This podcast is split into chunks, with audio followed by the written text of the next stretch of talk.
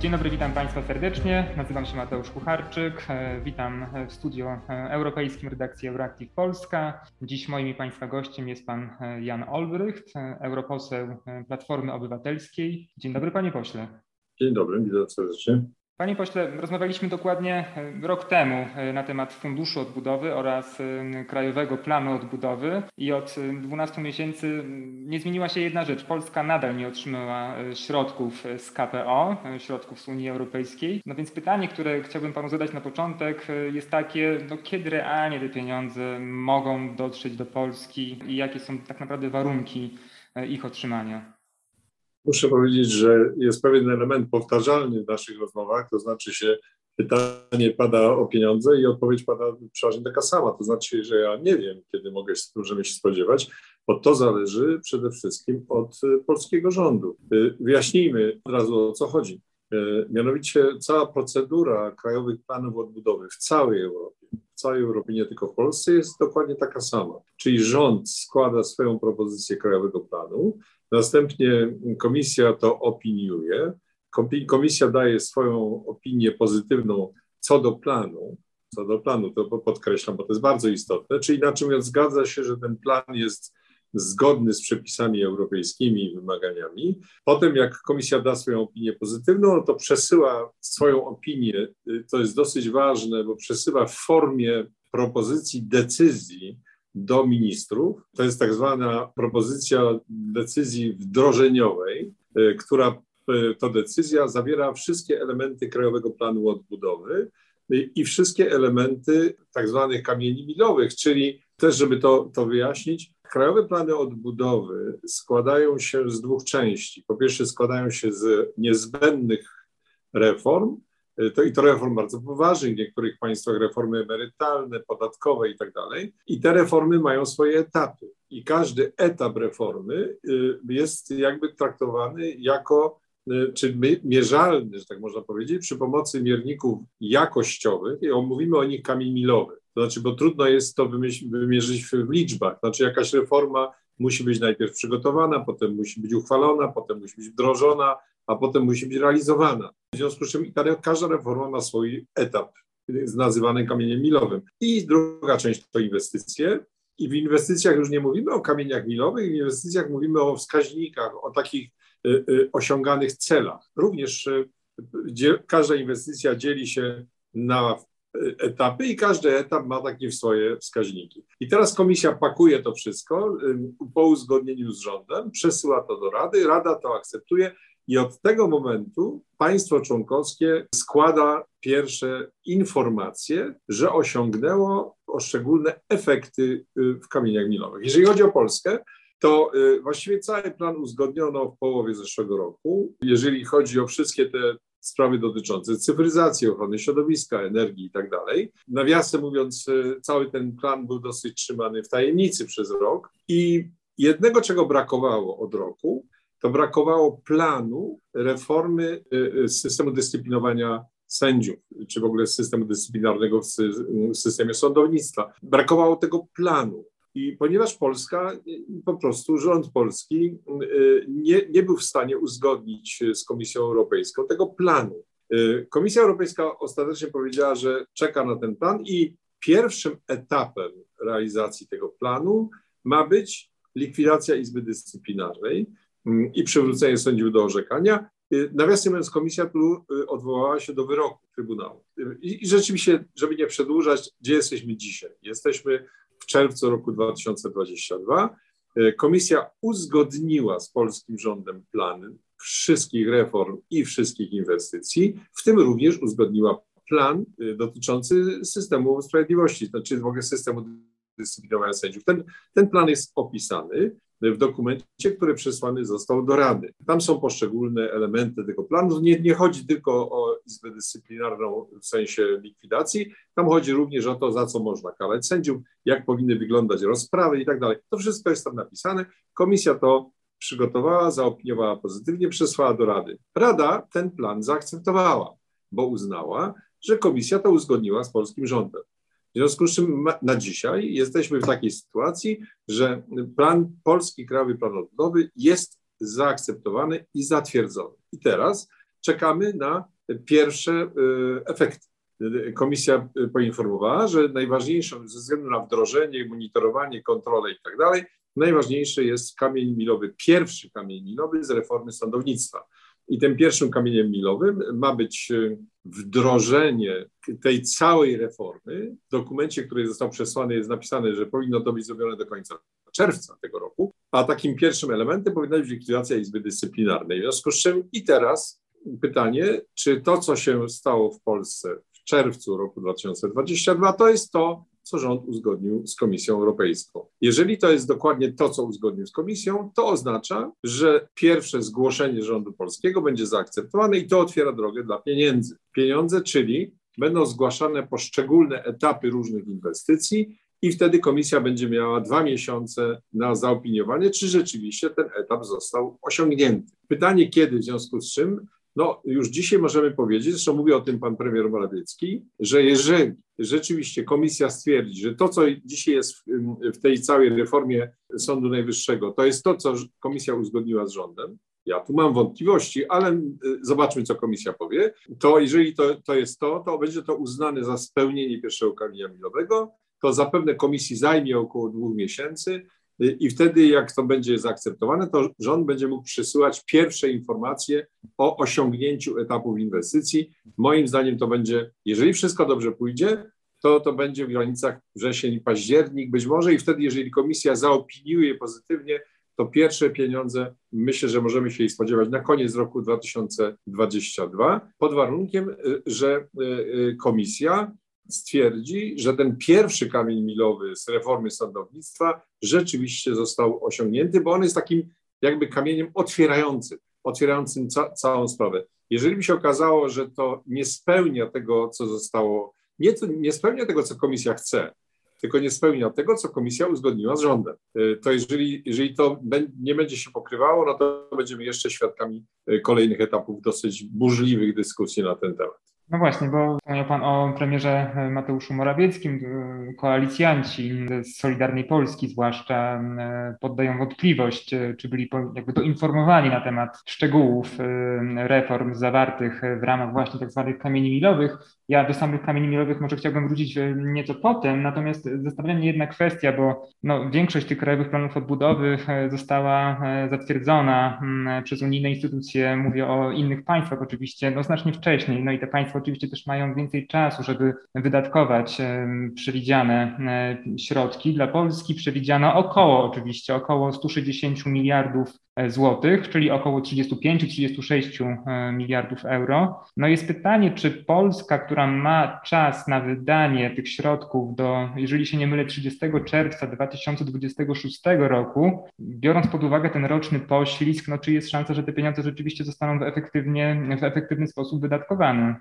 No, cały ten plan jest pomyślany w ten sposób, że ponieważ jest bardzo jednak ograniczony czasowo, to powinien być przeznaczony na rzeczy, które są już przygotowane, e, które są dosyć proste, jeżeli chodzi o opracowanie, bo tego, to jest za krótki okres, żeby można robić duże inwestycje. To nie da się przygotować tego typu inwestycji, więc to chodzi o rzeczy, które albo zostały już rozpoczęte od lutego 2020, albo są stosunkowo dobrze przygotowane. Natomiast czas ucieka. Czas ucieka. Ja muszę powiedzieć, że rzeczywiście zrobienie czegoś e, e, tak naprawdę 2,5 roku, bo to będzie 2024, 2025 i połowa 26, to będzie bardzo trudne, tym bardziej, że w tej chwili już jesteśmy, zaczynamy być poinformowani, co jest w tym planie.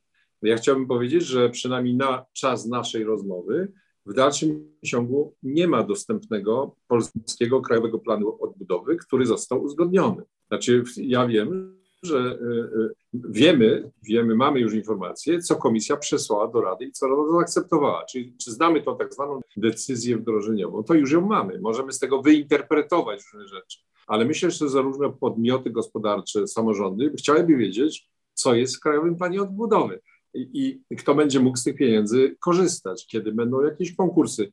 E, ta wersja, poprawiona wersja Krajowego Planu Odbudowy zatwierdzonego jeszcze nie jest gotowa i myślę, że w najbliższym czasie ministerstwo tę wersję e, pokaże. Ale tutaj, tak jak pan e, e, zauważył, jednak czas się liczy i sytuacja jest bardzo, bardzo skomplikowana. A z tego, co pan powiedział o kłótni w rządzie, to tam jest to dużo bardziej skomplikowane, może do tego jeszcze wrócimy, mhm. bo po pierwsze minister sprawiedliwości podważa uzgodnienia dotyczące reformy systemu sądownictwa, reformy systemu Sądu Najwyższego w ogóle i systemu dyscyplinowania sędziów, twierdząc, że nie zna tych elementów tego, tej całej reformy, a one naprawdę są dosyć ważne i daleko idące.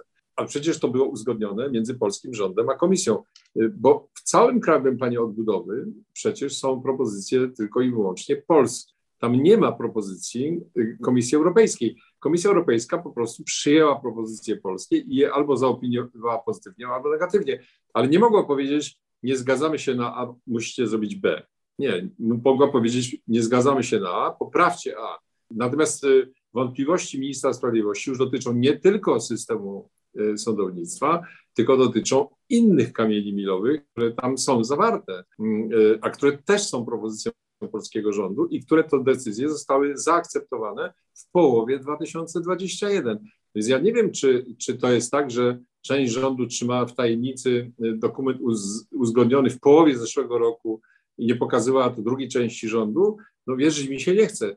Y, y, a te sprawy naprawdę zostały y, zamknięte i uzgodnione w połowie roku. Panie pośle, pan w Parlamencie Europejskim zasiada w komisji, która no de facto opiniuje te e, krajowe plany e, odbudowy. Zna pan e, na tyle, na ile możemy znać polski krajowy plan odbudowy, czyli jakby wspominając te trudności formalne, o których pan mówił przed chwilą, ale zna pan też plany innych państw.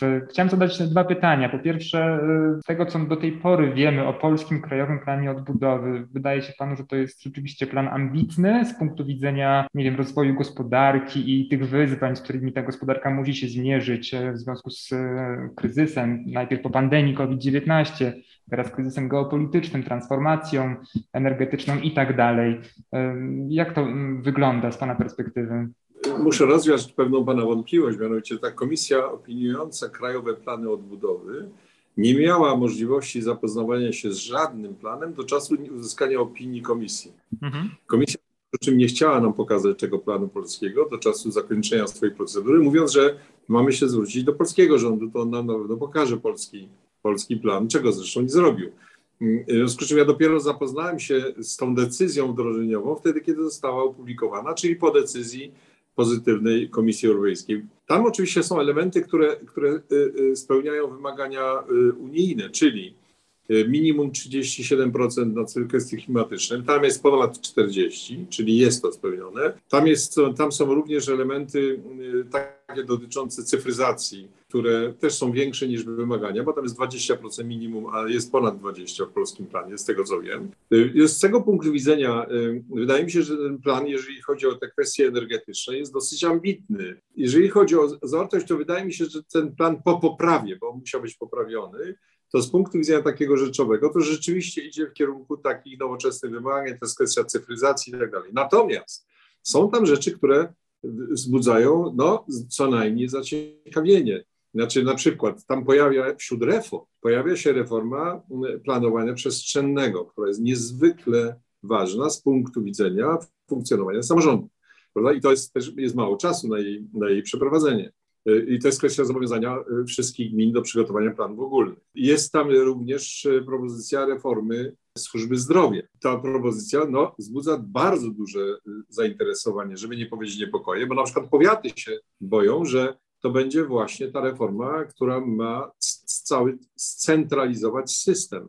Chociaż jest tam taki fragment, który część powiatów przyjmie z ulgą, na przykład możliwość przekształcenia szpitali powiatowych w takie ośrodki długotrwałej opieki le leczniczej dla osób starszych i tak dalej. Czyli inaczej mówiąc, te szpitale, które sobie nie dają rady, bo są niepotrzebne, będą mogły być przekwalifikowane na inny typ szpitali. Jest tylko pytanie, czy one będą przekwalifikowane przez jakąś agencję w Warszawie, czy dadzą się, będzie możliwość dla samorządów, żeby to przekwalifikować. Więc są tego typu rzeczy, które tam się pojawiają wśród reform, które wymagają absolutnie aktywnego udziału samorządów w ich przeprowadzeniu. I dlatego, y, dlatego też samorządy bardzo czekają na to, że, że chciałyby zobaczyć ten plan, jakie to są reformy, kiedy one będą wprowadzane, kiedy one pojawią się w Sejmie, kiedy będą projekty ustaw, prawda? Bo to jest e, e, absolutnie kluczowe. Także jeżeli chodzi o stronę rzeczową, to wydaje mi się, że po poprawkach to ten plan rzeczywiście daje możliwości dotyczące transformacji energetycznej i tak dalej, ale one wymagają jednak poprawy ustawowej, która powinna być zrobiona jak najszybciej. Innymi słowy, ja cytując, cytując być może niektórych ministrów, powiedziałbym tak, byłbym bardzo wdzięczny, gdyby rząd nam pokazał, na co się zgodził. To znaczy, na co się zgodził i co ma zamiar w najbliższym czasie wprowadzić bo to wymaga y, bardzo aktywnego udziału wszystkich podmiotów gospodarczych, organizacji pozycji rządowych i samorządów. Dlatego nie, nie, będę przeprowadzał żadnej jakiejś mocnej krytyki tego planu, bo go do końca nie znam. Myślę, że y, y, jest tam dużo rzeczy bardzo ciekawych, które, które mogą być zrobione i to dotyczące w szczególności cyfryzacji kwestii energetycznych, energii rozproszonej i tak dalej, to jak najbardziej tak. Natomiast e, co do reform, to byłbym zainteresowany co do tego, jak one mają być prowadzone. A odwołując się do Pana e, wiedzy na temat planów odbudowy innych państw, czy pokusiłby się Pan o jakąś taką krótką oczywiście i też na pewno upraszczającą ocenę, no, czy ten nasz plan, w sensie to, co o nim wiemy do tej pory, y, no jest jakoś bardzo ambitny w stosunku do, nie wiem, do innych państw, na przykład do Włoch, do Hiszpanii, które również są y, no, dużymi beneficjentami tych środków z Unijnego Funduszu Odbudowy, czyli de facto tych krajowych planów odbudowy, które, które uzyskają z unijnych pieniędzy. Mm, czy można w ogóle taką analizę przeprowadzić? Czy, jakby, czy to ma w ogle sens? Może tak powinienem zapytać właściwie. Oczywiście tak. Znaczy myślę, że jeżeli popatrzy się na, na, tego, na tego typu działanie, widać od razu, że że, w tych państwach to szybciej się przygotowywano i między, między sobą uzgadniano szybciej, mimo tego, że w każdym państwie są różne kontrowersje, które się pojawiają. Na przykład no, Hiszpanie po pierwsze byli bardzo dobrze przygotowani, jak mieli zatwierdzony plan, to natychmiast, natychmiast przynieśli y, informacje czy faktury dotyczące tego, co zrobili w ciągu ostatnich dwóch lat. I w ciągu pierwszych trzech miesięcy przynieśli oprócz zaliczki, jeszcze przynieśli wniosek na kolejne 10 miliardów, które zresztą dostali. Y, y, w związku z czym byli przygotowani do tego. Y, za pieniądze europejskie wiem, że przygotowywano bardzo ważną zmianę w ustawie emerytalnej, która wzbudzała zresztą duże kontrowersje w Hiszpanii, ale to, to Hiszpanie robią. W kilku państwach wprowadza się specjalne reformy dotyczące systemu podatkowego, dotyczącego cyfryzacji, żeby ułatwić cyfryzację. Znaczy, to jest kwestia budowania różnego typu centrów y, edukacyjnych, to jest prowadzenie tego do szkół, to jest kwestia wyposażenia. Bardzo duży silny nacisk na, na cyfryzację, już nie mówiąc o tym, że o wprowadzeniu sieci 5G i tak dalej. Więc takie rzeczy się tam y, pojawiają i moim zdaniem to czuje się, że jest takie y, próba ucieczki do przodu, znaczy cyfryzacja, jeżeli chodzi o administrację, o służbę zdrowia i tak dalej, żeby tego, tego typu rzeczy, tego typu rzeczy zrobić jak najszybciej. Ja bym powiedział, z polskiego planu, co zwróciło moją uwagę, to jest to, że na przykład jest ważny dla obszarów wiejskich, bo na przykład w polityce spójności jest bardzo trudno będzie dostać pieniądze na gospodarkę wodno-ściekową. Natomiast wiem, że w polskim planie w KPO są pieniądze właśnie przeznaczone na gospodarkę wodno-ściekową, co jakby trochę równoważy to, co, że tego nie można robić w polityce spójności. Ja bym powiedział tak, że jak patrzyłem na te plany w innych państwach, to one spełniają ten wymóg nie tyle odbudowy po covid ile przebudowy. Czyli inaczej mówiąc, skorzystanie z tej okazji, która jest dzisiaj i pieniędzy dodatkowych, to wykonanie pewnych rzeczy, które tak naprawdę przebudowują. Przebudowują podejście do gospodarki, do administracji, do, do, do sposobu wyko wykorzystania pewnych rzeczy i tak dalej. Więc to jest taki, taka ucieczka do przodu przy tej okazji, ale, ale taka, która pozwoli na, na, na, na uruchomienie pewnych rzeczy szybko. Jeżeli pan pozwoli, ja bym do tego dodał jeszcze jedną rzecz, mhm. mianowicie właśnie w tej chwili jest dyskutowany nowy instrument. Nowy instrument, który ma przeciwdziałać e, uzależnieniu od e, źródeł energii z Rosji. Czyli inaczej mówiąc, e, ale to mam, to, ten instrument polega na tym, żeby wykonywać pewne rzeczy szybko. Znaczy nie budować na przykład rurociągi, gazociągi, które będzie trwało 20 lat. Nie. Pytanie jest, co można zrobić szybko. Jeżeli chodzi o energię rozproszoną, jeżeli chodzi o wiatraki, jeżeli chodzi o ocieplenie budynków, o oszczędność energii i, i temu ma służyć instrument y, Repower EU, czyli i, i dlaczego o tym mówię przy naszej rozmowie? Mhm. Ponieważ y, jeżeli, pań, jeżeli ten instrument zostanie zaakceptowany, a jeszcze nie jest zaakceptowany, jeżeli będzie zaakceptowany, to każdy rząd będzie mógł przerzucić część pieniędzy z polityki spójności i polityki rolnej, be, będzie mógł przerzucić do Krajowego Planu Odbudowy. W związku z czym, e, oczywiście przy utrzymaniu tych samych dat. Czyli to jest oczywiście pytanie, czy rząd polski, jeżeli taki instrument się pojawi, czy rząd polski zaproponuje przesunięcie pieniędzy z polityki spójności do Krajowego Planu Odbudowy przy zupełnie innych wymaganiach, prawda, przy zaostrzonych wymaganiach. To jest, no na razie jeszcze nie mamy zielonego światła na pieniądze, więc trudno jest na razie cokolwiek przerzucać, ale to jest jeden z tych elementów pokazujących, że Krajowy Plan Odbudowy jest trochę traktowany jako nowy mechanizm, który, który pozwala na większą taką elastyczność. To jest też ciekawe i dlatego w szczególności jest nam potrzebny ten Krajowy Plan Odbudowy i odblokowanie już potem pieniędzy, ale do tego to musi być y, pełna zgodność y, działań polskiego rządu z tym, co rząd uzgodnił. Panie pośle, na koniec chciałbym pana zapytać o kwestie dotyczące przyszłości, być może krótkiej, a być może nieco dłuższej, to znaczy Fundusz Odbudowy i krajowe plany odbudowy, które są finansowane z tegoż funduszu, no, są pewnym eksperymentem, który powstał przy okazji zwalczania skutków pandemii COVID-19. Pan wspomniał o kolejnym instrumencie, czyli o Repower EU. I tak się zastanawiam, bo Unia Europejska ostatnio nieco, czy unijne instytucje, Komisja Europejska, ale też Parlament, prawda, podchodzą nieco bardziej w taki sposób, powiedzmy, elastyczny do finansowania odbudowy gospodarczej w Europie, bo oczywiście mamy, jak wiemy, unijny budżet, no ale są kolejne instrumenty. I moje pytanie y, dotyczy tego, czy wyobraża Pan sobie w kolejnych latach, przy okazji, no nie wiem, różnych kolejnych kryzysów geopolitycznych, z jednej strony powstawanie kolejnych tego typu funduszy, ale też kolejne y, wspólne zadłużanie się y, państw unijnych przy okazji, no tak jak to było właśnie Funduszu Odbudowy w 2020 roku. Tak, no Pana pytanie nie jest z gatunku fikcji politycznej, tylko już takiego wyprzedzenia pewnych działań, które, które są proszę y, zwrócić uwagę na to, że mm, państwa członkowskie bardzo długo nie chciały zaciągać kredytu, ale w sytuacji no, nadzwyczajnie trudnej, jaką był COVID, postanowiły jednak się zadłużyć. Ciekawym elementem jest to, że zadłużyły się przy bardzo niskim wtedy oprocentowaniu. Prawda? Przy rosnącej inflacji i rosnącym oprocentowaniu coraz bardziej gorąco pojawia się temat, z czego to spłacimy. Prawda? I, czy, I dlatego coraz bardziej ważnym tematem jest to, czy Unia będzie chciała zrobić swoje dochody własne mhm. czyli w kwestię podatku od dużych firm internetowych i tak dalej. To jest jakby pierwsze, to jest pytanie, czy, czy mamy w związku z czym do, do czynienia z jednorazowym y, zabiegiem, czy mamy do czynienia z mechanizmem, który mógłby być powtarzalny. Jeszcze trzy miesiące temu, przed wojną, proszę zwrócić uwagę, że trzy miesiące temu, jak mówiliśmy przed wojną, mieliśmy wszyscy na myśli drugą wojnę. Teraz, jak mówimy przed wojną, mamy już na myśli wojnę y, w Ukrainie. Jeszcze trzy miesiące temu bardzo duża część środowisk politycznych mówiła nigdy więcej. Znaczy po prostu to jest jednorazowe, nie możemy tego robić i tak dalej.